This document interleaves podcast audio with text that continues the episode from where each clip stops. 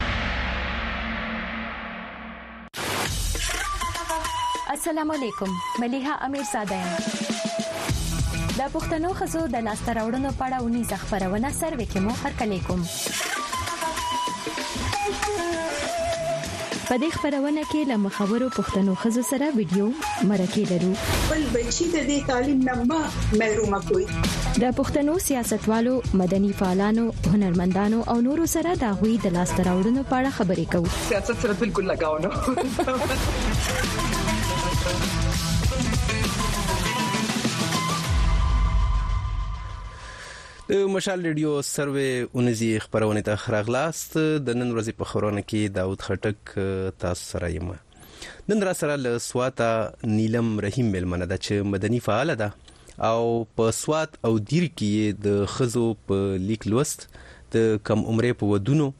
او د خزو د ناموس په نوم په وژنو یعنی د وژنو په موضوعاتو باندې کار کړی دی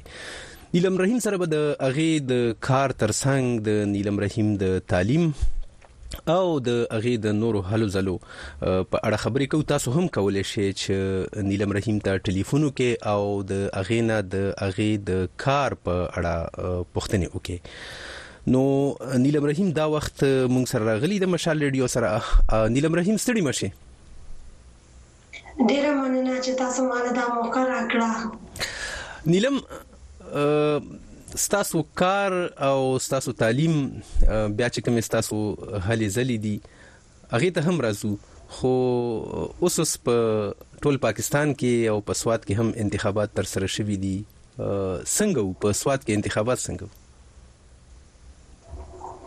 سوات کې خو انتخابات د ټولو نه ښه خبره پکې زه ویم چې دا به وه چې زنانو پکې په ډېر شمېرې سره چې دی نو شرکت کړی وو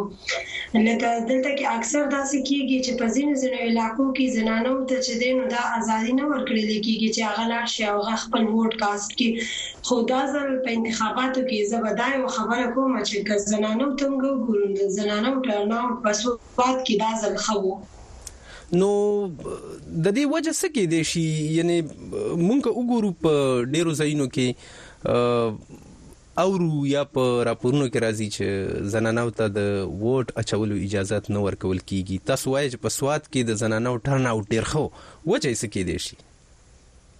وجه یې دا کېږي چې له ټوټي شانتي په زنانو کې پوهه راغلې ده چونکې سوات د مختلفو داسې حالاتو نه تېر شول د هغې د وجې نه داسې ادارې راغلې دي چې په سوات په علاقو کې کارونه کړي دي د سوات د خلکو کې د پوهې د پاره خاص طور باندې د زنانو د پوهې د پاره چې دی نو هغوي مهمونه چلولې دي د سوات په زنانو کې دا پوهه راغلې ده چې دا ووټ چې کوم دی دا د دوی یو حق دی او دا استعمالول پکار دیو لکه په زنانو کې دا لږ ډیر شعور راغلی دی چې د هغوی چې څومره هم مسایل دی کنه نو د هغې حل چې دی نو هم په دقی ووټ کې دی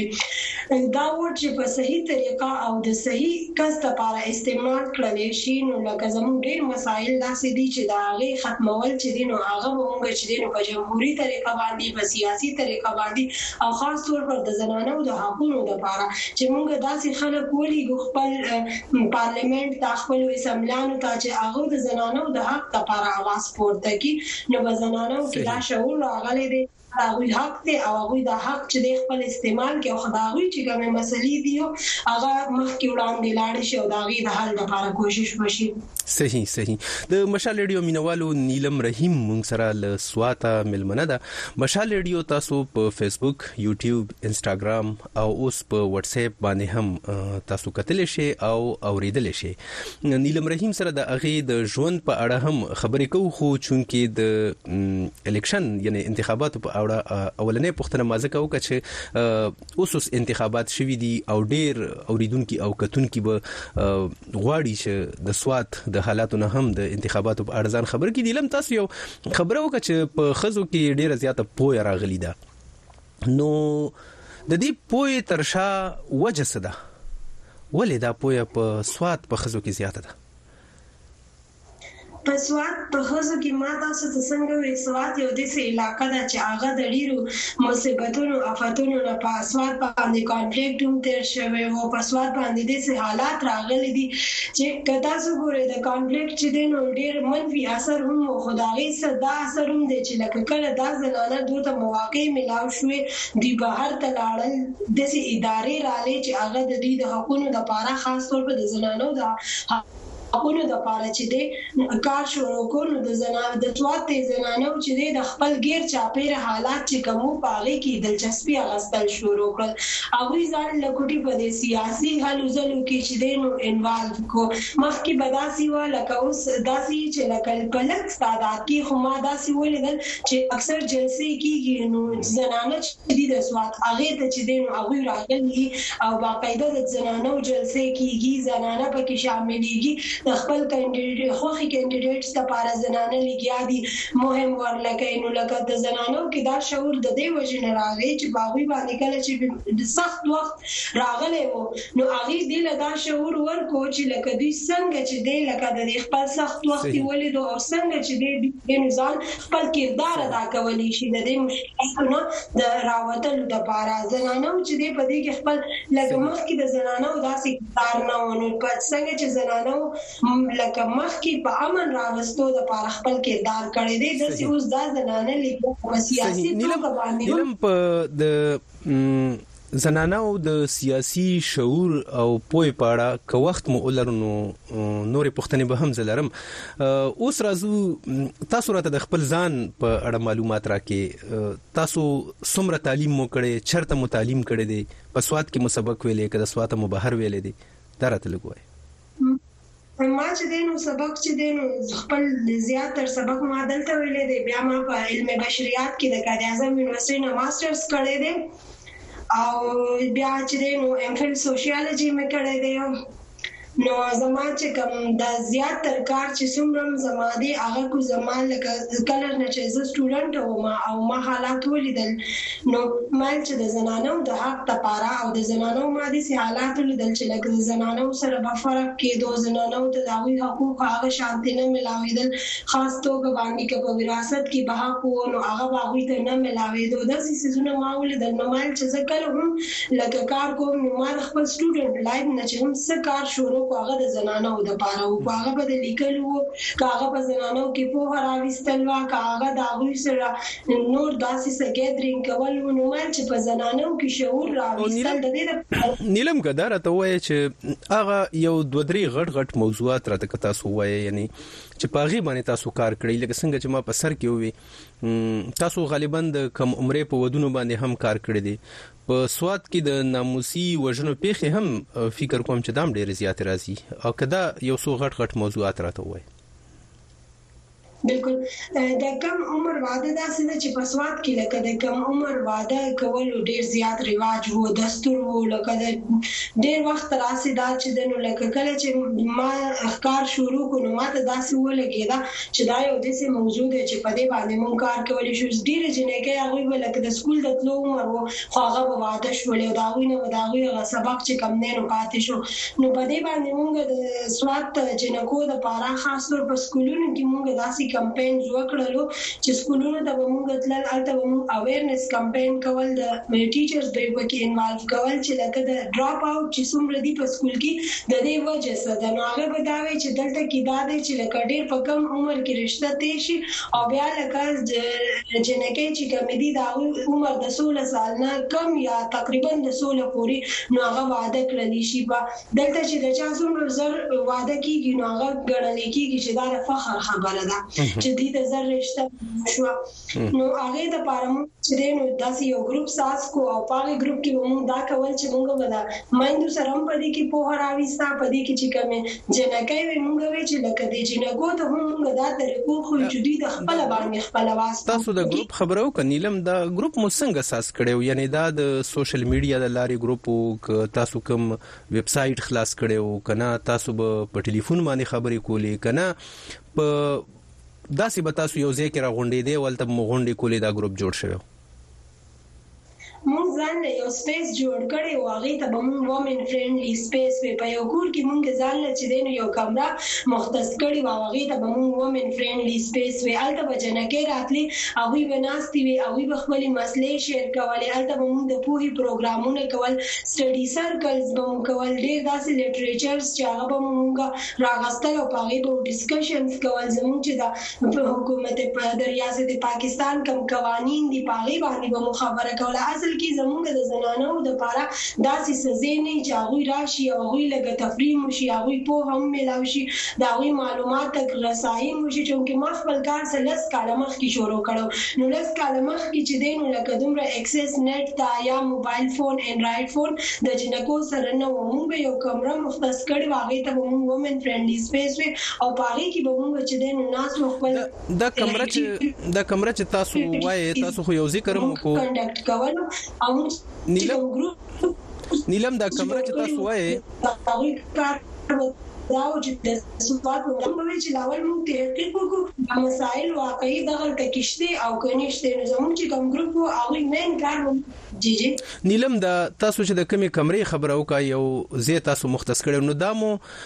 یو د دفتر په تور باندې نیولې او نو ظاهر ده په دې باندې به څه پیسې مراتلې یا تاسو به چې کوم لیټریچر چاپه او خزو ته مور کول په دې به څه پیسې مراتلې دا به تاسو خپل چنده کوله کنه تاسو را چا سمرستې کړې دي نه داسې کار دی چې مختلف ادارو موږ له مرستې ضرور کړې دي خو موږ چې دا کمره وه دا بالکل زموږ خپل کمره وه دا موږ ته چې دې لپاره چا پیسې نه وې راکړې دا موږ په خپل کور کې یو کمره نیولی وه او د هغی نه مونږ چی دی دا کار شروع کړی وو مونږ مختلف ادارو ضرور سپورټ کړی یو مونږ له ټریننګز راکړی دی زمونږ سره داسی اګاهی پروګرام مونږ د هغی د پروګرامونو حصه پاتی شوی یو خو لکه دا داسی څه فنډډ پراجیکټ نه وو دا زمونږ چی دی نو لکه مونږ د زعفران تور باندی لګیا وو. نیلم اوس چی تاسو کوم کار په مخ بیایی لس کاله مخکی او اوس لس کاله وروسته نو ظاهره ده په دې کې به ډیر بدلون راغلی نو اوس تاسو خپل دفتر جوړې کړې دي یا خزو ته د رسایې د لپاره هغه تنظیم چې دی هغه کې سخواله راغلی تاسو په کې څه بهتري ویني بالکل بهترین اصل کې ما تاسو ته شروع کې وې چې زما ما چې کوم سبق ویلې د علم بشریات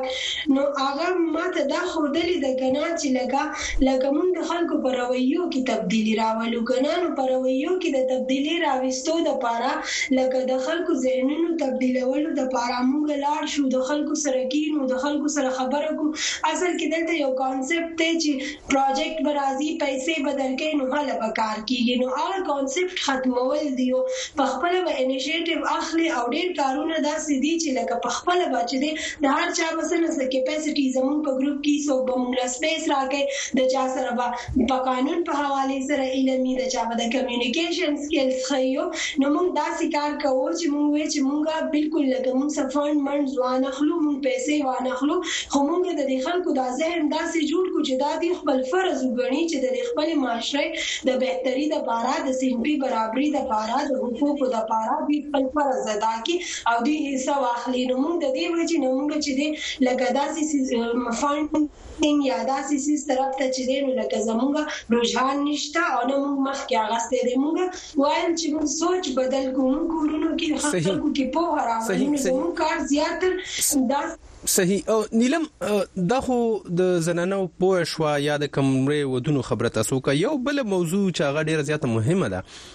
او په سواد کې هم د هغې ډېرې پیښې مخې ته راځي هغه د ناموس په نوم د خزو وژنه دې ته څنګه ګوري او په دې باندې تاسو کوم کار کړی دلته زنانو اصل کې دلته چې دینو اونر کیلینګ ریشو په سواد کې چې دینو ډیر زیات دی ډیر زیات اونر کیلینګ کیږي دا غي مختلف فیکټرز دي مختلف ریزنز دی د هغی خو لکه دا ده چی په خلکو کی اویرنس نشته د قانون ورته پته نشته او بل دا دی چی کلچرلی چی کم دی کنه نو خلک دا جسټیفای کئ او سپورټ کئ او کم مطلب چی کم مجرم وی کم چی دا جرم وکی نو هغه ته وای چی دا ډیر مطلب د غیرت کار یو کو نو د هغی حوالی سره مونږ چی دی آګاهی دی پیلا وهل شروع کړو مونږ وویل چې دا جرم دی دا چې دی نو لکه د دې کیدا دا سزا ده کله چې د قندیل بلوچ قتل شوی وو نو د هغې نه پس په قانون کې چې دی نو هم ترمیم وشو لاول به داسې وه چې مدعی چې دی نو چونکه اکثر دا وجنې داسې کیږي چې په کور کې یا رور کړي یا تر کړي یا ماما کړي یا پلار نو چونکه مدعی مدعی په دغه کور کس وو نو هغوی به زر دا چې کوم چا به جرم کړی وو معاف پرې کو وخت. خو افټر قندیل بلوچ چې کله قتل شو نو په قانون کې هم تبدیلي رااله او مدعي چې دی نو اوس په دې کې ریاست دی او نو د دې وجې نه دا یو ښه دغه دی چې د ریاست سره دا اختیار یا هغه خلک چې به معاف کیدل نو ایټلیسټ پوه شوه چې لکه ریاست په کې مدعي دی. نیلم تاسو د قندیل بلوچ ذکر وکړو قندیل بلوچ څه چې وه دا د ټولنیز میډیا یو فعال وه او څو کال وړاندې دا وژل شوی و او د دې د وژنې تور چې وو هغه د دې په خپل ورور باندې لګیدلی و او بیا ورستو ویل شو چې هغه ورور د خپل مور او پلار لخوا هغه معاف کړل شوی خو د کندیل بلوچ د وژنې ورستو بیا د پاکستان په پا قانون کې لکه څنګه چې نیلم اوې پاغي کې یو بدلون راوستل شو او د اغه بدلون تر مخه اوس د کورنۍ غړي نشي کولای چې هغه یو قاتل په خپل سر باندې معاف کی بلکې کچا قتل کړی وي نو د اغي ذمہواری بیا د اغي په د اغي د خوانه بیا حکومت یعنی ریاست د اغي د خوانه ودریږي ک کورنۍ غړي معافم کینو ریاست اغه نه معاف کوي اغه سره به د قانون مطابق چلن کیږي دا د ناموسي وژنو خبره وا نیلم تاسو خبره وکړه چې تاسو پوهاوی پیدا کوي د ناموسي وژنو په اړه نو دا پوهاوی تاسو په خزو کې پیدا کوي که په سړو کې پیدا کوي او طریقه مو څه ده څنګه مونږ چې دی اصل کې ما تاسو ته وې زموږ کار چې دی نو لکه پوهه مونږ په ښځو کې هم راولو او د سړو کې هم چې دی نو زموږ کوشش چې پوهه راولو بل مونږ رپورټینګ کوو داسې ډېر کیسونه چې هغه رپورټ کیږي نه لکه مطلب آنر کیلینګ وشي خو د هغې له د سوساید ډنګ ورکړل شي او هغه نه ریپورټ کیږي هغه پټ پاتې کړي شي نو زموږ کوشش دا یی چې موږ اکچوال چې کومه ډیټا ده لاول خو چې دی هغه موږ کلیکټ کړو چې موږ ته دا پته ولګي چې موږ ته د دې د انټنسټي پته ولګي چې زموږ په معاشره کې دا څومره دی نو د دې د مخنیوي لپاره چې دی نو بیا موږ کار وکړو موږ د دې پرده ده چې د قانون حوالې سره چې دې خلکو ته قانون وايو چې قانون څه دې په دې کې قانون کې سزا څه ده او لکه دې نه علاوه چې که دې کې کوم فکټرز دي که نه لکه اکثر انهرټنس باندې به ایشو وي او هغې باندې به قتل شي. انهرټنس تاسو وراثت یادوې که نه؟ ریاست بلکل د وراثت په نوم وراثت مسله وي په هغې به قتل وکړل شي او رنګ به له ورکړي د آنر کیلنګ که نه نو زمونږ کوشش دا یي چې لکه قرآن چې دی او بیا چې دی نو زمونږ چې کوم کانسټیټیوشن دی هغه چې دی زنانو له د وراثت حق ورکوي نو بیا څه وجه ده چې لکه دلته خلک چې دی نو د پښتو په نوم باندې چې دی نو هغه وراثت چې دی نو د هغې صحیح نیلم نیلم نیلم هم په دې موضوع هم په دې موضوع باندې تاسو سره نورې خبرې هم لرو د پروګرام نیمایه ته مونږ رسیدلی یو او دا وخت کې د ځنې اوریدونکو ټلیفونونه هم راغلي دي نو ګورو چې تاسو نه سپوښتنې لري ک مناسب غنئ نو تاسو بیا دغه پوښتنو ته جواب هم ویل شئ نو ګورو چې چا مونږ ته ټلیفون کړی دی اسلام علیکم اللهم علیکم عادل ترایم د صادق کور می جلی تحصیل علی زاین سلامونه وړاندې کوم عادل توري صاحب ډیره مننه د ټلیفون کولو نیلم رحیم مونږ سره له سوات ملمنه ده د خزو د حقونو فعال ده خپل پښتنه کراته لنډه وای نو نیلم به وګوري کدا غي جواب تاسو درکول شي ما ډېرې ګټورې خبرې وکړې خو موږ وینو چې په مشرۍ کې د موږ څو بیا اسمبلۍ کې د بیلونه منظور شي همالته په نه کېږي او دې نه موږ دا تپوس کوو لکه سپرې کې ویر کول یا قتلونه شو دا خو پښتنو سیمې کې زیات دي ایا دې دپاره تو اګاهي کړې ده که نه ده بیا که موږ نوي ضلعو ته راشي یعنې قبایلو ضلعو ته هغه کې خو بلکل ښځو کې ویر نشته نه ده چې خپل حقوقو غوښتنه وکړي. نه دی به دوباره دی څه ګمونه اوچات کړی دی کنه دی اوچات کړی صحیح عادل توري صاحب ډیر زیاته مننه او ګورو که یو بل اوریدونکو مونږ سره وی د اغي پښتنه هم اخلو ښه بل اوریدونکو فکر کوم چې څوک مونږ سره نشته نو نیلم عادل توري دی د کورمن ټلیفون کړو او دی وای چې د قبایلی سواد خو بیا هم خده خاري سیمه ده خو په قبایلي ضلعو کې په ښځو کې پوهاوی ډېر زیات کم دی. د هغې لپاره باید څه وشي او تاسو کوم داسې منصوبه یا پروګرام لرئ چې قبایلي ضلعو ته هم دا خپل پروګرام وروغځوئ؟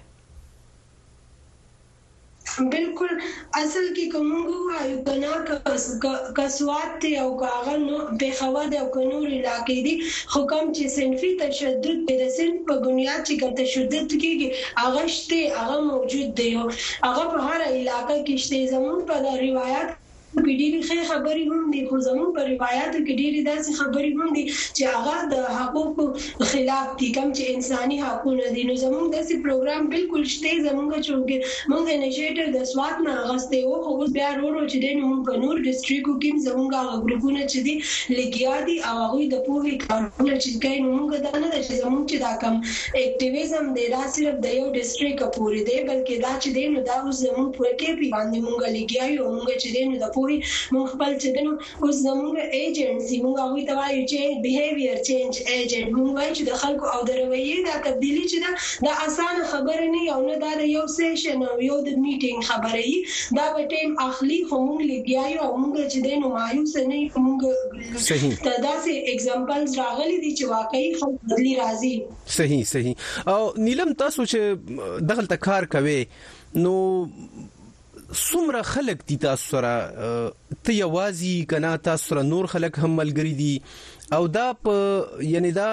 په سرکاري توګه باندې دا کار کیږي سرکاري مطلب زما دا دی چې آیا دا خلک تنخواګانې اخلي کله رضاکار دي جی جی بالکل زه چې د دې کې یوازې نه یم موږ سره دې کې چې د نو دا موږ چې د نو زموږ ګروپس دي زموږ سره نور فیمیل دي کې موږ سره سرکاري ادارې چې د نو هغه نه هم مدد اخلو سوشل ویلفیر ډپارټمنټ چې دی هغه هم دې کې ډېر مرسته کوي هغه چې هم دا وی منډیټ دی چې د زنانو د حقوقو لپاره د زنانو د خیر کړي کارونه کوي نو سوشل ویلفیر ډیپارټمنټ هغه هم موږ سره دي کې لګیا یې موږ یوازې نه یو موږ سره چې دی موږ چونکې یوازې یو کس هیڅ نه شي کولی موږ په دې یقین لرو کله چې موږ اجتماعي طور باندې یو یو څیز چې دی نو هغې لپاره کار کول شروع کړو نو ډیر زر دی چې هغې کې به بدلون راشي یو انسان کافي نه دی نو زموږ کوشش چې څومره موږ ډیر سره د ځان سره خلک ملګري کوو پر هم خیاله خلک ملګري کوو او د خلکو مرسته چې يي زموږ سره يي نو د هغه زموږ د پاره زموږ د اواز چې دی هغه ډيرو خلکو ته رسي او ډير خلک چې دی نو بيا هغه چې دی د سره چې دی زموږ سره ملاتړ کوي صحیح صحیح د مشال ریډیو مینوالو مونږ سره نیلم رحیم له سوات ملمنه ده نیلم رحیم د بشري حقونو فعاله ده او د کم عمرې په ودونو ترڅنګ نیلم رحیم د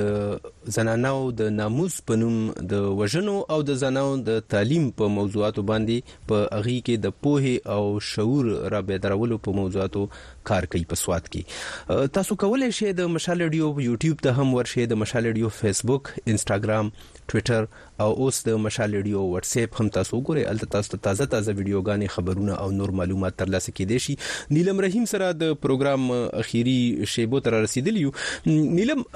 پوښتنه مې دا ده چې تاسو د قائد اعظم پوهنتون نه ماستري ترلاسه کړه او تاسو د سوات غوندې په سیمه کې په یو داسې موضوع باندې کار کوي چې هغه بعضی وخت پاغي کې سړو ته هم ستونزې راتلی شي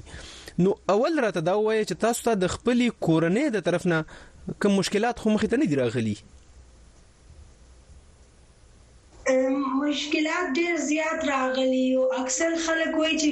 دا دوی لیوني دي، دوی څه وایي، دا خو د دوی دماغ خراب دي، دا خو یورپي ایجنډا ده، دا خو داسې خبرې کوي، حالانکه موږ چې څه هم خبرې کوو که نه هغه کانسټیټیوشن اف پاکستان، آئین پاکستان، مطابق دي او آئین پاکستان کې دي چې موږ چې دې آئین پاکستان کې هماغه څیزونه دي کوم چې قرآن او سنت روشنی کی دی مونږ که انسانی حقونه یادو کنه نو هغه اول یی قران ورکړی دی او بیا آیین پاکستان چی دی نو هغه انشور کړی خو ډیر خلک لکه زمونږ باره کی دام وایی چی دا لکه دا زمونږ زنانه خرابوی او دا مونږ ته ماحول خرابوی او هغه په هغه زړو څیزونو باندی کوم چی لکه زمونږ داسی روایات دی چی د هغه د نا انصافی باندی مبنی دی هغه نه خلکو ته نقصان رسی خو چونکی پښتو ده وایی دا زمونږ پښتو ده مونږ یی نه پریږدو دوی ته داسې لګي چې زنانه چې دې نو لکه بس لکه دهغوی څه حق نشته دهغوی څه کردار نشته نو ډېر لکه د فېملي نه وي خو آوټ سايډ آف فېملي هم ډېر داسې خلک يي چېلنجز ډېر زيات دي يو يو بدلشاهي نظام. نيلم ما د کورنۍ پوښتنه ځکه وکړه چې کله چې يو قدم اخستل کيږي خاص کر د يوې زنانه دپاره او بيا په يو داسې سيمه کې چې هلته کې زنانو ته پوره ازادي هم نه وي حاصله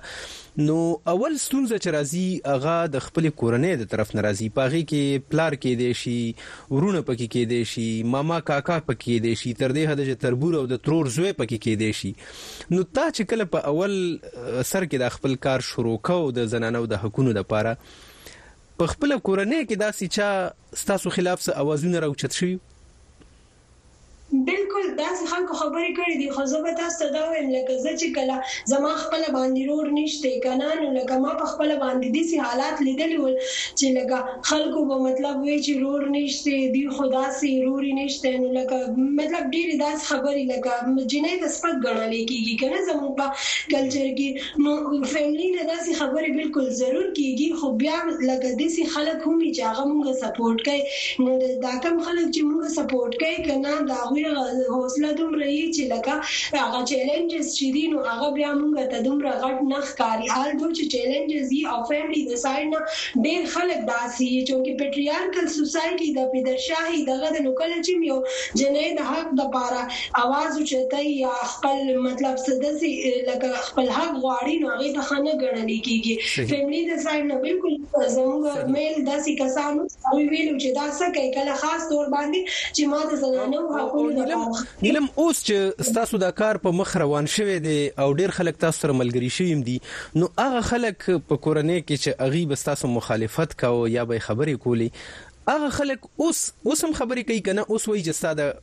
تاسو چې کوم کار کوی دا ښه کار دی.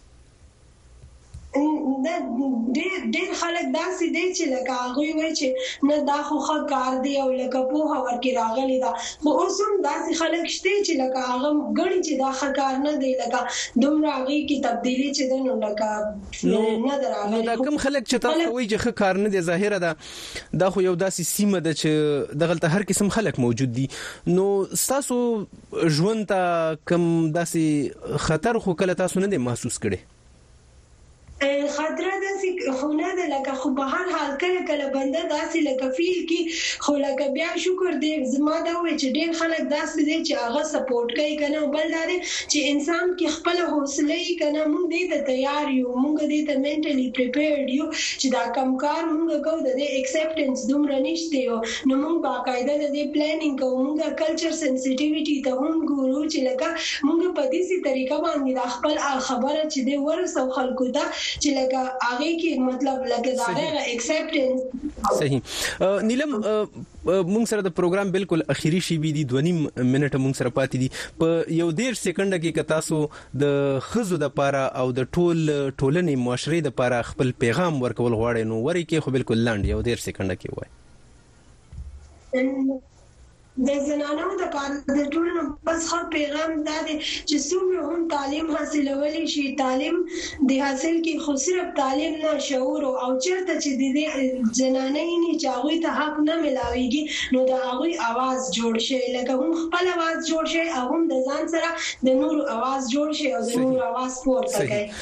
صحیح د مشال ریډیو سره د پدی پروګرام کې په برخه اخستو نیلم رحیم تاسو ډیره زیاته مننه سروې خبرونه ده د خزو د پاره او د مشال ریډیو سروې خبرونه په همدې زید د دې خبرونه وخت سر ترسي د مشال ریډیو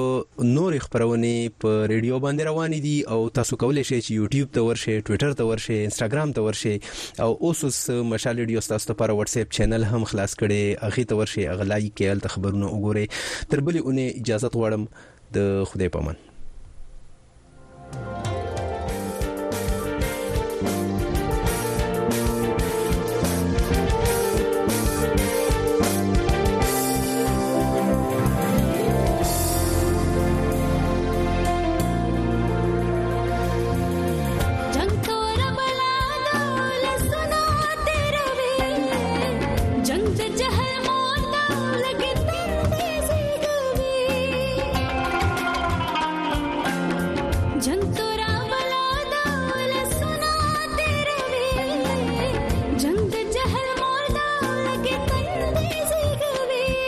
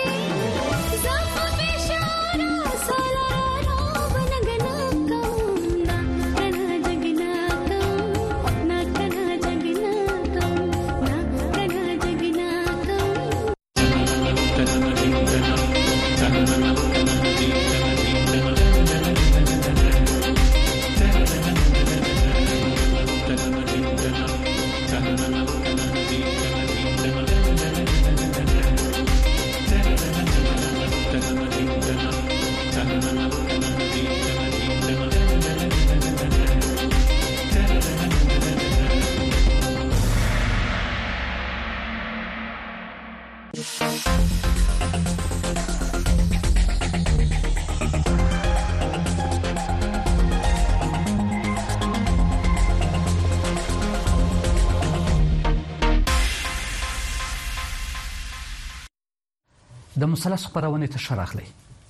په پاکستان کې د نوي ائتلافي حکومت او طالبانو پر اړیکو بحث لرو د پاکستان پیپلز ګوند او مسلم لیگ نواز ډلې د نوي حکومت د جوړېدو لپاره ائتلاف وکړ د 2022م کال په اپریل کې چې د عمران خان حکومت د پارلمان له لوري ړنګ شو په اسلام آباد کې ائتلافي حکومت جوړ شو په دې حکومت کې دوه عمده ګوندونه پیپلز او مسلم لیګ نواز شامل وو هغه وخت د دې ائتلافي حکومت اړیکې په کابل کې له واکمنو طالبانو سره شو خو وروسته تر دې چې پروسه شکال د اگست په میاشت کې انوار الحق کاکړ د نوي سرپرست ادارې صدر اعظم شو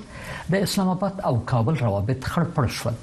پاکستان پریکړه وکړه چې څه باندې ولس لکه افغان کډوال له خپل خاورې وباسي څو پلا په دې موده کې د دوړو هیوادونو ترمن ترانزیټي لارې بندې شوې یو دوه ځله د پولې په اوږدو نښتې هم وشوې نو سوال دا دی چې په اسلام آباد کې به نوې اداره چې مخکې هم چارواکي له طالبانو سره شوو بیا به هم د تیر په څیر روابط وپالي کنه دا سوال وروسته تر دې پیدا شوی دی چې په تیرو څو میاشتو کې د پاکستان دننه ډیر تغیرات راغلي دي له امنیتي پلوه ستونزې زیات شوي له سیاسي پلوه اختلافات پراخ شوي له اقتصادي پلوه فشارونه ډیر شوي په کابل کې بیا طالبانو د منځنۍ اسیا له ځینو هیوادونو سره روابط پراخ کړي دي مثلا آذربایجان په کابل کې سفارت پرانیست قزاقستان دوی له تور لیست څخه ویستل خو له ملګرو ملتو سره بیا اړیکې په دې موده کې چې په پاکستان کې سرپرسته اداره واکمنه و شسوي نه دي طالبانو د قطر په پلازمینه دوحه کې د فبرवरी 14 او 19 د ملګرو ملتو د سرمنشي په مشرۍ غونډه کې برخه وانه خسته او ملګری ملتونه ټینګار کوي چې د افغانستان لپاره به نوې استاذې ټاکي طالبان وایي چې نوې استاذې ته اړتیا نشته او که وټاکل شي همکاري به ورسره ونه کړي په داس شرایطو کې به د پاکستان نوې ائتلافي حکومت او طالبان څنګه روابط لري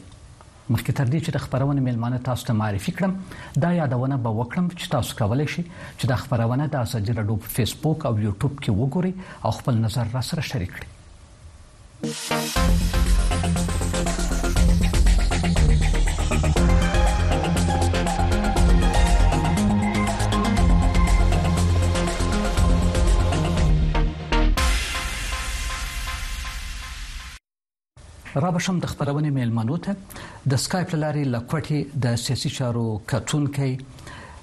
شهزاده ذوالفقار راسره دی د دوی مننه کوم او هرکلی یې کوم او دلته په سټوډیو کې د ازادي راډیو د مشال څنګه کې زما همکار ګل ایاز راسره دی او ګل ایاز ته مو د دې لپاره هم بلنه ورکړې ده چې د په پاکستان کې د انتخاباتو لپاره پاکستان ته تللی وو او له هغه ځای له مشال رادیو او ازادي رادیو سره راپورونه شریک کړي وو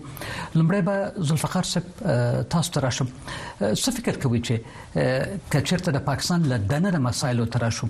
د پاکستان نوې ائتلافي حکومت به د بلوچستان ستونزې تر څه برید هوارې کړې تاسو په باور ورکه دا دا ما خیال ډیر وخت پستا یا اول ورته سویل سي چې انتخابات وسو او پاره کې چې دی ډېر زیات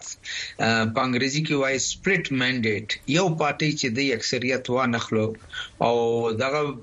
وجه چې دی دوه غټ پارټیان چې دی حکومت جوړي یو دا وايي زه برخه نه اخم په دا دغه کې کابینه کې او دغه کې او صدر د پاره چې دی زموږ کاندیدټ به تاسو اکسپټوي دا دا مشکلات ستا په بلوچستان کې بلوچستان کې ډیر زیات دا دواړه پارټیان چې دی دا دغه وکړل یو اګریمنت وکړل په دې رضامندي دغه کړل ظاهر کړل چې د پیپلز پارټي حکومت او نون لیګ په هغه کې برخه اخی او سیکنډ پارټنر او جمعیت علماء اسلام فضل الرحمن صاحب چې دی مولانا صاحب خو ډیر زیات په غوسه کې دی هغه دا ویلي چې موږ سره ډیر زیات زیات زیاتوب سوی دی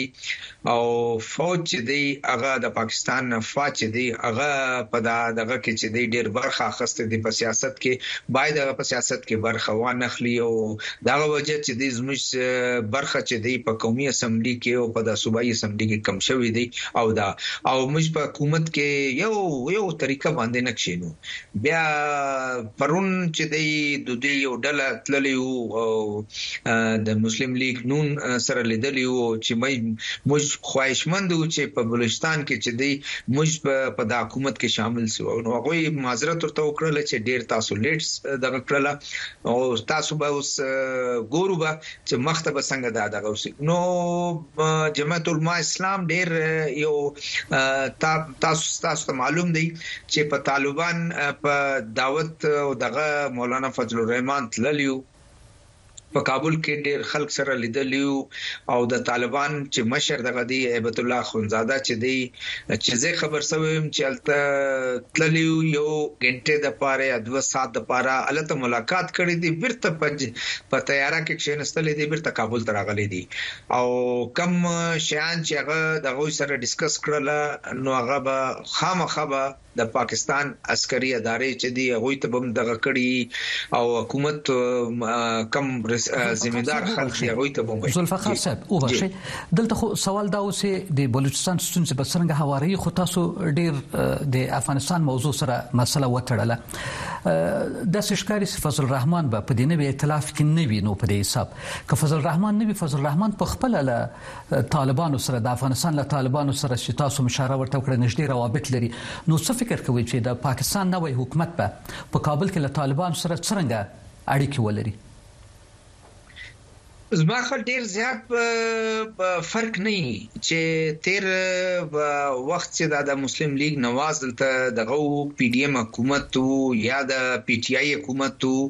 نو دلته تاسو یو ډیر زیات ښکاره خبره دی چې دلته فارن پالیسي چې کوم ډیر زیات لکه افغانستان لکه انډیا هند لکه امریکا د سره چې دی زموږ ملټری اسټابلیشمنت چې دی برخه لري پاړه کې نو دغه یو انفلوئنس یو اثر لري نو دلته دا معلومیږي چې نو حکومت به راځي هغه څه بچلیږي کدا په دوا کې چې کوم کانفرنس وسو پاګه کې د پاکستان کوم سټاند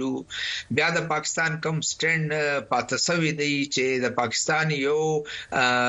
کنسیسټنټ مسلسل یو دغه لري ډیماند لري چې تاسو به ټي ټي پی چې دی هغه خلک حواله کوي ما بي بلوچ مليټنټس دی بي ال اف دی بي ال اي دی هغه خلک به حواله کوي که حواله نه کوي نو خو دا خپل منځ سو باسي خپل خاور سو باسي کدام نه سکولې نو تاسو به دا دا به پابند کوئ چې دا ستۍ خاور استعمال نه کی زموږ خلاف نو دا هغوی دا ورته وایي چې موږ نه کوو دا غلط دی زموږ خاور نه سي استعمالولی نو دا شیان رواني نو دا به څوک دغه کوي بیا طالبان چې دی که ګرد ملتو سره که تاسو وګورئ هغوی یو ډیمانډ یې چې دی په دا دغه کې هم رانه له تیر په مئی کښې چې دغه سې د انوائس کانفرنس اوسو په هغه کښې هم دا دغه وکړل چې تاسو که موږ ریکاګنائز کوئ نو بیا موږ به مخ ته ځو که دغه سې نو نو فی الحال سټینډ آف پوزیشن دې دو دې مابینځ. مننه دې ته به بیا هم راشو خو مخکې تر دې چې دې ته راشو ګلایه ستاسو ته راشم د شهباز شریف څرګندونې لرو دی وایي چې د نوي حکومت لپاره چلینجونه په بلوچستان او خیبر پښتونخوا کښې شته. میں سمجھتا ہوں کہ پاکستان کو اس وقت بے پناہ چیلنجز کا مقابلہ ہے۔ زه پوهېږم چې نن سبا پاکستان له بې ساري ګواښونو سره مخامخ دی. نن سبا د ترورېزم بلې څپې په ځانګړې ډول په خیبر پښتونخوا او بلوچستان کې زموږ د زیاتو خویندو او وروڼو ژوند اخیستی. د پاکستان د امنیتي څانګو او پوځ ځوانان یې شهیدان کړي. دغه نوی اتحاد به د دې ترهګرو پر ضد مبارزه کوي. همدا راز بې قېمتي پر ضد به مبارزه کوي. مهنګايي کې خلاف جنګ کرني هې. ګلایس دې خیبر پښتونخوا ته که ورشو تاسو تازه همالته ورغلي وئ څه فکر کوې تاسو چې دا کومو کسانو رایه ورکوله له دوی سره مو هم خبرې کړې دي له بیلابیلو خلکو سره مو خبرې شوې دي یوهوی څه ویل چې دا نوي حکومت ته څه تمې او هیلې لري چې د پښتونخوا ځینې ستونزې په ورسره هوارې شي په شیبر صاحب که موږ وګورو په د اتمې فروری عام انتخاباتو غین انتخاباتو نو مخ کې یو داسې یو هوا په پاکستان کې و یو رائے و چې پاکستان مسلم لیگ نون جمعیت علماء اسلام فی او دا نور ګوندونه ملت پاله ګوندونه دوی به په دې انتخاباتو کې ډیر زیات رائے وګټي خو کوم وګورو په خیبر پښتونخوا خبره زه ایواز کوم په 8 فروری ولس هغه د هغې برعکس رای ورکړل او موږ وکتل چې پاکستان تحریک انصاف ته په خیبر پښتونخوا کې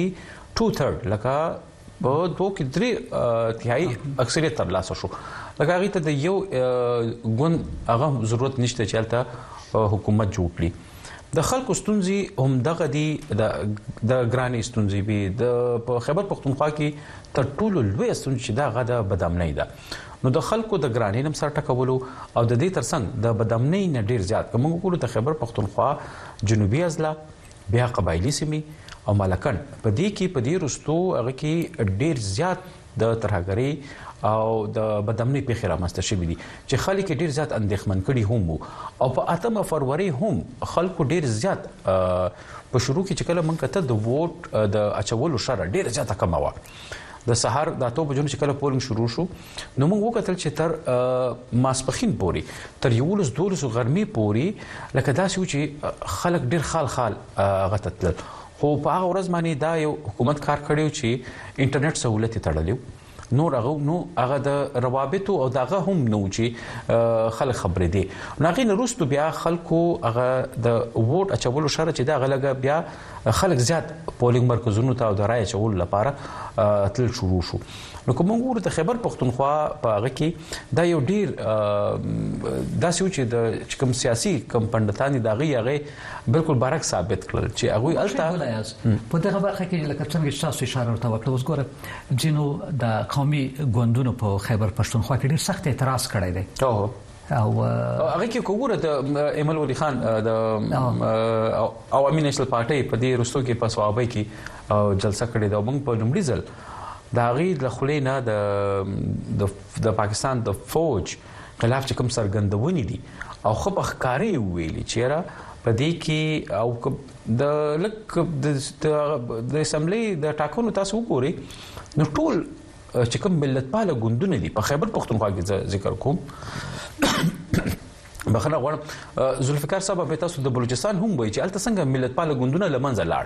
لکه په دې انتخاباتو کې په خیبر پښتونخوا کې خو مکمل صفایا کړل کوم وګورم دا د تر اعظم چې کدا عوامي نشتل ګوندې قامي وطن ګوندې د غشاني ملي جمهوریت غورزنګ دا چې کوم د نبي ګوندونه راغلو ملت پاله ګوندنو چې دوی او پښتونخوا ملي عوامي ګوند لکه د دې خو یو کاندید هم که وګورو په بلوچستان کې د عوامي نېشنل ګوند یو څوکۍ ګټلې ده په خیبر پښتونخوا کې صرف یو څوکۍ ګټلې ده او په نور ځینو کې اورلشتنه نو د دوی اعتراض هم دا دی چې په دې هغه کې ډیرزیاته ټګي شوې ده او په دې کې د اسټابلیشمنت یا مقتدر حلقو په پاکستان کې تاسو وګورئ اسټابلیشمنت مبدي د فوج ته اشاره خو فوج خو بار بار دا خبره ادعا کوي چې تل دا تورونه ردوي او د پاکستان د ټاکنو کمیشن هم دا خبره کوي چې دا انتخابات شفافه او د درغلیو نه پاکو خو کوم وګورو په دې رستو کې ماده فافین مشره دا چې په پاکستان کې یو نه حکومتي اداره ده او د انتخاباتو سارنه کوي د هغه مشر سره ما مرکه کوله مسرت قدیم صاحب نو هغه ویلي چې را د انتخاباتو ډېری پښتنې راپورته کړې دي په هغه ورځ باندې انټرنیټ ووتل شو په قومي اسمبلی په 216 شپېته څوکو باندې عمومي انتخابات کېدل خو هغه کې بیا چې کله داغي سارون کې یو سل دیش سارون کې ګمارل شوی خو هغه سارون کو ته بیا غ نتیجې ورنکړل شوې چې کوم لپاره دوی هغه ګمارلی وو نو هغه هم هغه ادارې هم ډېر پښتني راپورته کړي د موږ ګورو په نړیوالو امریکای هم په دې باندې ویلي دي چې رب باقاعده دې په دې باندې دغه شو خو چې کوم د سیاسي ګوندونو کوم اندېښنې دي او بیا چې کوم پرون په سوابه کې چې د عوامي نشل ګوند کوم ولسی غونډه و نو په هغه کې د هغه یو مشر دی صوبایي غم مرکزی مشر دی امیر حیدر خان هوتی او په خوانه وزیر اعلی هم پاتې شو هغه ویلو چې دا داسې انتخابات وشول چې چا غټلې دا هغه هم د درغلیو شکایت کوي او چا چې بیلل دا هغه هم مظاهره او دغه کوي نو دا انتخابات د نورو کلونو په او دغه مخکې هم شهزاده صاحب هغه تاسو ښه هغه درکې ځکه هغه موجود هم ورته دی چې د انتخاباتو نه وړاندې هم ډیرو شنونکو دا خبره کوله چې د انتخاباتو نه مخکې د بې ضابطګۍ او د درغلیو او دغه هغه مخکې نه د اندېښنې د انتخاباتو نه وړاندې هي شریک کړي به سوال په دې کې د کتنګ چې تاسو ویل دا دی ایمال ولی خان خبرې به هم واوري دی غو ویل چې شل کلمې له د پاوڅ ملاتړ کاوه او اوس نه کوم حتی دا خبره هم وکړه لیکن د اوس که بلوچستان ته مخړو په بلوچستان کې محمود خان اسکزای غوسه ده کنه وایي چې لدی پرلت سره به زه او زایم ذوالفقار صاحب کنه او نه به پرېښنم استرڅو پرې د ازغن سیمان هم لري نه کوم او د خبرې تاسو کوي قومي سملې ته هم زه دا وایي مسله وړم دا چمن د پرلت څنګه د قومي ګوندونه په ورته وخت کې د پاکستان له اسټابلیشمنت سره نږدې هم وو لکه ایمل ولی خان خبره چې ما یاد کړې له دوی سره مرسته کوله که دوی مرسته ونه کړي کومک ونه کړي نو په دغه سیمو کې به د امنیتي وضعیت کې خرابي را نش خرابواله زیات نشي یعنی مطلب مې دا دی خبره دا دی چې زه صرف یو 2 سکند یو 15 سکند په دې خبرو کوم چې د پاکستان کې دا ډېر همیشه دا کیږي چې پی ټی آی راځي نو د چا د مرسته یا ملټری اسټابلیشمنت د مرسته سره راځي او دوه پارټیان لري بیا هغه نن چیرې دی بیا دوه پارټیان دوی نږدې راسي بیا دوی چې نږدې راسي بیا دغه پسته چې دی هغه دا دا یو عجب دا خو د پولیټیکل پارټیز همیشه دا خبرې کوي او څوک چې لري ولاړ سي وای زما خلاف ډیر سازش سازش شوی دی ک 2014 کې تاسو وګورئ محمود خان صاحب چې دی لس سیټان د راغلیو نیشنل پارټي بلوڅ دغه ملتپال چې دی دغه دغه راغلیو لس سیټان د غوی راغلیو نو دوی حکومت جوړ کړل پنځه کال دوی د ډیولپمنٹ فند هم دغه استعمال کړل هر شاید دغه نو د اسټابلیشمنت سره ډیر ډیر خوشاله وي ډیر خوشاله وي هغه وخت هغه وخت ډیر دوی دا خبرې نه کوله چې فوج مداخلت کوي او فوج دا دغه کوي بیا چې دغه ولاړه 2008 کې بیا دوی دغه سا اوس دا دغه ول یا زموږ خو ډیر منډیټ غلاصوي دی زموږ منډیټ دغه سه بلوچستان نېشنل پارټي سردار اختر منګل دی نو سردار اختر منګل چې دی هغه په داتیر حکومت کې چې دی اپوزیشن کې د ده لس دغه ممبران وي دغه باوجود ګرد د حکومت مرات چې دی هغه د ده په لاس کې وو او به بیا بعد کې اوس دغه وایي چې موږ نه پرېږدو نو خبره دا دی په دې کې هیڅ شک نه دی چې نن که بلوچستان کې ګرد پارټیان مرورې دی او کم لکه چې ګولایا صاحب دا خبرې وکړله چې کم خلک چې دی څه ګټلې هم دی هغه ویل یا ډېر لږ ملاو شوی دی باید زیات شوی وي بیا زیات سوی دی او څوک چی نه لری هغه وای موږ ته شی نه دی ملاو سوی. وبخښی ذوالفقار صاحب سوال دا دی اوس ګوره تاسو منګل ته هم اشاره وکړه اختر منګل ته کنه اوس اختر منګل هغه څوک دی چی تل د پاکستان له اسټبلشمنټ سره نږدې پاتې شوی دی او نور بلوڅان خو هغه د بغاوت کوي او د پاکستان په ضد جګړې کوي که چیرته د اختر منګل په څیر کسان که چېرته د محمود خان اڅکزي په څېر کسان، که چېرته چې مخکې ګل ایاز اشاره ورته وکړل، د ایمل ولي خان په څېر او د هوتي په څېر او نور افتاب خان شیرپا او داسې کسان دا له حکومته ناراضه پاتې شي او په دې دوه صوبو کې په خیبر پښتونخوا بلوچستان کې روابط هم هغه امنیت هم خنه ده یعنی امنیت هم ګډوډ دی خراب دی د پاکستان چارواکي فکر نه کوي چې کدا امنیت نورم پس خراب شي بیرته اصل موضوع تر شو د اسلام آباد او د کابل روابط په پسې خراب شي څه فکر کوي تاسو یا دا سا خبره بالکل صحیح دي سوک سوک دوی ټول کی لوی خبره ده د سوک ټول کی که په بلوس سیمه کې ته وګورای چې پارټیان دی دی يو بل سره چه دی ګر سره نزدی وال د دوی نه سته بلوس قوم پرستان چه وګوری که ملت پال دغه دا د سیونټیز سره ناینټین سیونټیز سره دوی چه دی خپل لاری جلا کړی دی او چه حکومت د د نیپ حکومت چه ختم سوی وی نو ګر جلا جلا سوی پشتون قوم پرسته چه دی یا ملت پال په بلوچستان کی اول وار ته محمود خان صاحب ورته د د پارټۍ چې دی ډیر لوی برخه چې دی جلا سوی دی که نظریاتی ورته وای چې نظریاتی دا خلک جلا سوی دی ای ان پی ګای دغه یو دوه اسمبلیان کې دوی ګټلې دی لکه 2008 کې ریپرزنټیشن ملاو سوی دی دغه وخت وخت د دوی ریپرزنټیشن دی نو نو دا دوی څوک شي نه دا ستا خبره صحیح دی چی که دوی یو ځای کښینی نو خامخا ددی دوی ددی الا کی دغه وګوری منشور کی زیات فرق ندی ددی په سیاست کی زیات فرق ندی هر پشتون قوم د پاره یا بلوڅ قوم د پاره هر پارټی چی دی هغه دغه غواړی چی زیات زیات اختیارات سی خپل به وسایل ددوی چی دی کنټرولی دغه مشترک خبره دی په دا مشترک خبره هم یو ځای نسی کی هغه په پدی الزام لګی چی ته د شپی چی دی ملټری سټبلیشن سره ملاویژی سار د دوی خلاف خبرې کوي هغه وایي ته دا کوي دا دا سره دغه دی دغه سه بیا یو نور کار صاحب په بنو کې د ماته اوسم بیا چې د پښتونخوا ملي او می ګوند مشر محمود خان چکزي په بنو کې جرګه هم را بللې و چې ټول کام پرسته ګوندونه را یوځای کړي خو هغه هغه کې هم دا ټول کامیاب نشو څنګه ته تاسو د خبرې ته اشاره وکړه چې کمپرس ګوندونه هم دا یو بل باندې دا تورون لګوي چې یو سره ملاو دي کوم د افتاب احمد خان شرپاو ګورو هغه د 2000 د جنرال مشرف په وخت کې هغه د کورونو چارو وزیرو د او بیا وروسته و سره هم داسې پاتې شوی خو دې ځله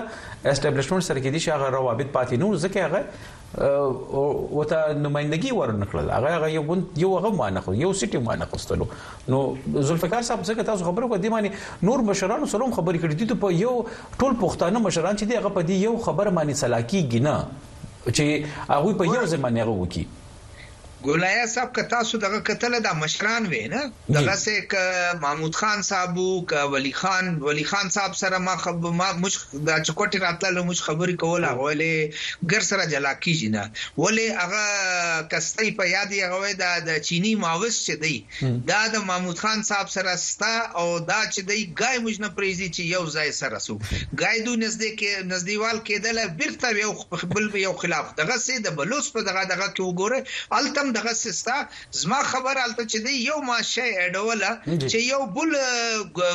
دغه ستا ګروپ ستا هغه دی علیدګي پسند چې هغه وایي چې موږ نه غواړو موږ ازادي پسند هغه دا ګرد ګوندو ته دا وایي چې دوی خو د اسلام آباد غلامان دي دوی دغه په اشارو دغه کوي دوی په پارلماني سیاست خو زموږ په کار ناراضي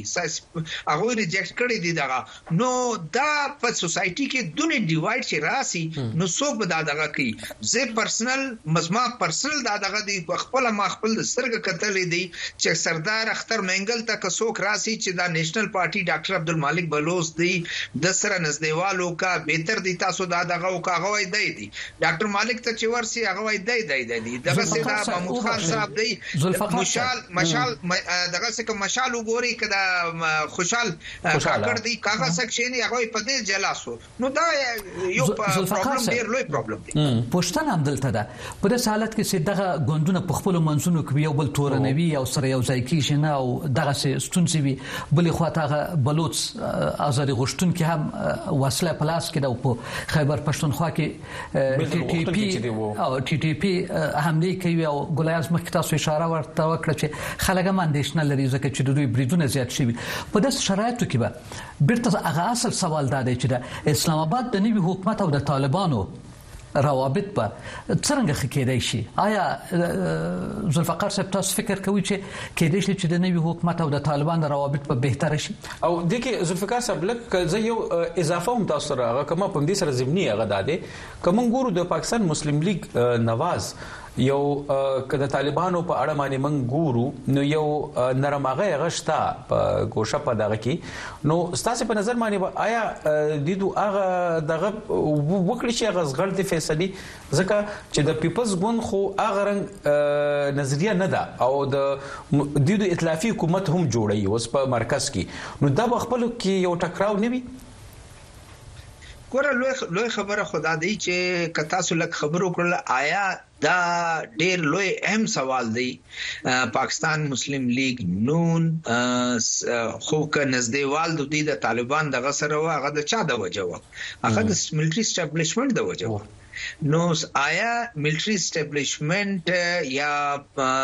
پاکستان مسلم لیگ نواز دونی به انډیپندنت دي دونی کول اختیار لري چې خپل د مخه چې دی یو پالیسی جوړ کی او افغانستان او دغه د متعلق ډیر مشکل دی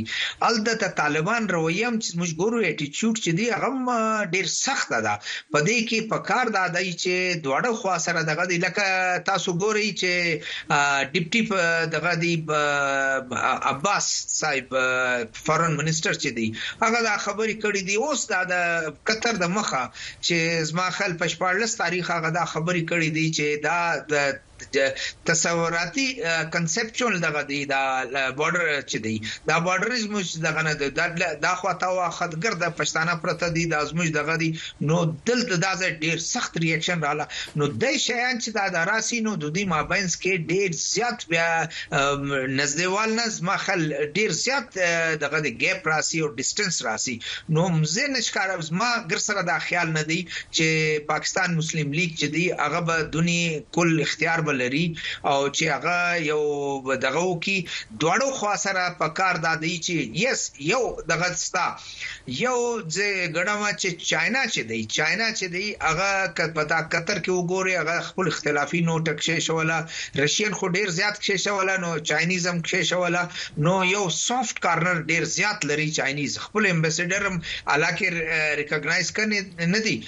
بیا هم خپل امبیسډر هلته ناست دی نو هغه شاید یو رول پلی کولی سی چی په پاکستان او د طالبان په رژیم کی یا اډمنسټریشن مابین کی څه لاره لیکه وباسی. دا خبره یو ځای ځکه نیسی شیبر صاحب ذوالفقار صاحب چی څنګه خبره وکړله که موږ وګورو د پاکستان تحریک انصاف چی کله تیر حکومت وو نو هغوی د چین سره کوم روابط وو هغه رنګ نه وو او د سي پیک چې کوم دا پروژې وي هغه هم زیاتره ودرېدلې وي خو د دې برعکس د پاکستان مسلم لیګ نواز بیا د چین سره روابط او په دې پروژو کې نو دا یو هغه کې دی شي چې څنګه چې منځګړی شي او دا په یو مهم رول په دې کې په دې کې یو سوال دی ذوالفقار صاحب د چین چین خو ګوره په ورته وخت کې له پاکستانه دا غوښتل چې ټول ګوندونه سره نږدې شي یعنی لکه څنګه چې د چین غوښتنه ولا هغه خو په ځای نشوه نو چین په خپل داسې حکومت په پا پاکستان کې نش نه رامنځته کیږي چې د چین په غوښتنه برابر وي ځکه د چین په برابر دی اوس خو چې کم وګورګو مطلب دا دی د چین په د بهرنیو چارو د وزارت په غوښتنه کې دا خبره ولا چې د پاکستان ټول ګوندونه باید سره نشتی وي حتی د پی ډی ایم د حکومت په وخت کې هم د چین چارواکي سره غلي او پاکستان ته هم دا غوښتنه کوله چې باید ټول ګوندونه سره نږدې وي خو په هر حال